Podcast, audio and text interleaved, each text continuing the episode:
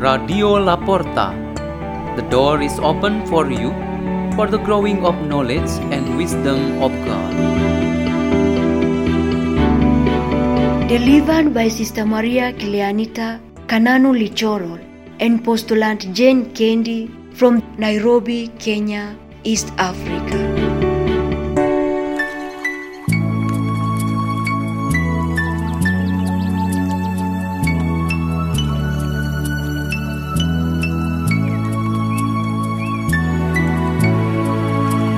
Reading and meditation on the Word of God on Tuesday of Holy Week, March 30th, 2021.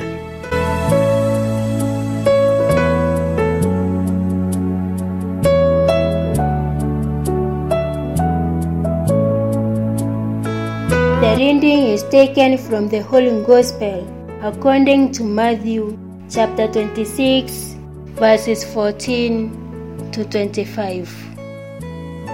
One of the twelve, who was called Judas Iscariot, went to the chief priest and said, What are you willing to give me if I hand him over to you? They paid him thirty pieces of silver, and from that time on, he looked for an opportunity to hand him over. On the first day of the feast of unleavened bread, the disciples approached Jesus and said, Why do you want us to prepare for you to eat the Passover? He said, Go into the city to a certain man and tell him, The teacher says, My appointed time draws near. In your house I shall celebrate the Passover with my disciples. The disciples then did as Jesus had ordered and prepared the Passover. When it was evening, he reclined at the table with the twelve, and while they were eating, he said, Amen, I say to you, one of you will betray me. Deeply distressed at this, they began to say to him one after another, Surely it is not I, Lord. He said in reply, He who has dipped his hand into the dish with me is the one who will betray me. The Son of Man indeed goes as it is written of him. But woe to that man by whom the Son of Man is betrayed. It would be better for that man if he had never been born.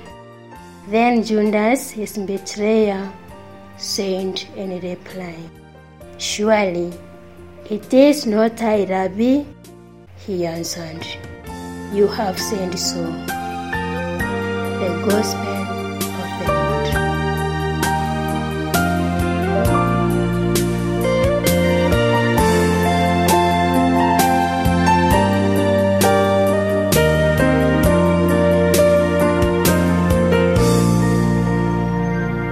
meditation today has the theme, A Great Sadness. This sentence is enough to represent the feelings we generally have when we experience sadness and disappointment in our lives. As an example, when the outcome of our job, struggle, longing, and hope is merely a failure, we obviously feel very sad. It is simply futile or meaningless. When we desire progress and development, while in reality it is simply a setback or even loss, we also feel so sad. Jesus Christ, even as the Son of God, is a human person like us. In the Passover meal with his apostles, just before the death sentence befalling upon him, Jesus' mind and heart were filled with great sadness. He obviously felt that he was on the verge of death, but he seemed not too bothered about it. he had to tell truth of his imminent death to his apostles and many other people who had been following him during his public ministries.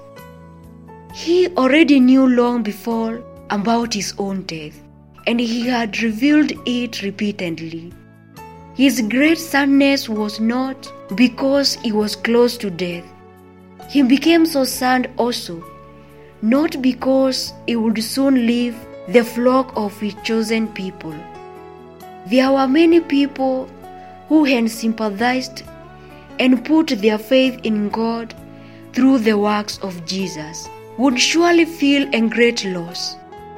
But this thing had been told to them in many occasions, so this is not the reason for Jesus' sadness.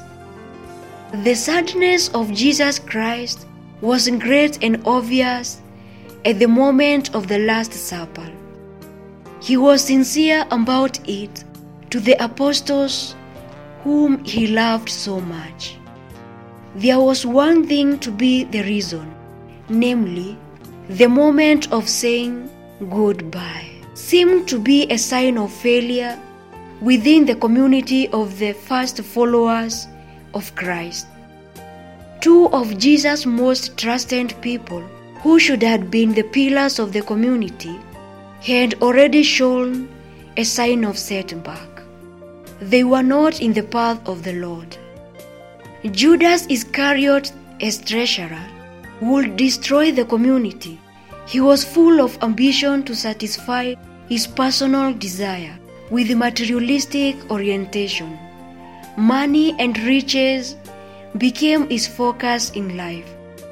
His lust eventually brought him to earn only a small amount of money after selling Jesus Christ into the hands of his enemies.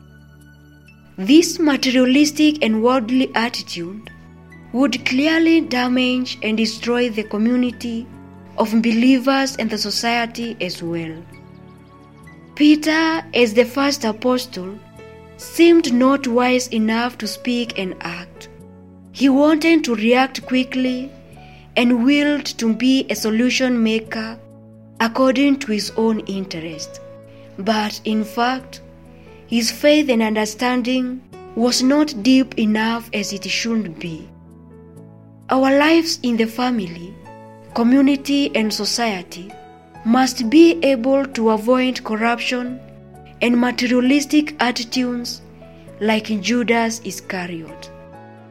Unwise attitude in mind and deeds like Peter must also be avoided. We are taught to always follow Christ by renewing ourselves constantly in order to be like Him in the fulfillment of the will of God. Let's pray. In the name of the Father, and of the Son, and of the Holy Spirit. Amen. O Lord Jesus, may we remain steadfast in our faith in you and be witnesses of your truth in the midst of this very fragile world. Hail Mary, full of grace, the Lord is with you. Blessed are you among women, and blessed is the fruit of thy womb, Jesus. Holy Mary, Mother of God, pray for us sinners, now and at the hour of our death. Amen. In the name of the Father, and of the Son, and of the Holy Spirit.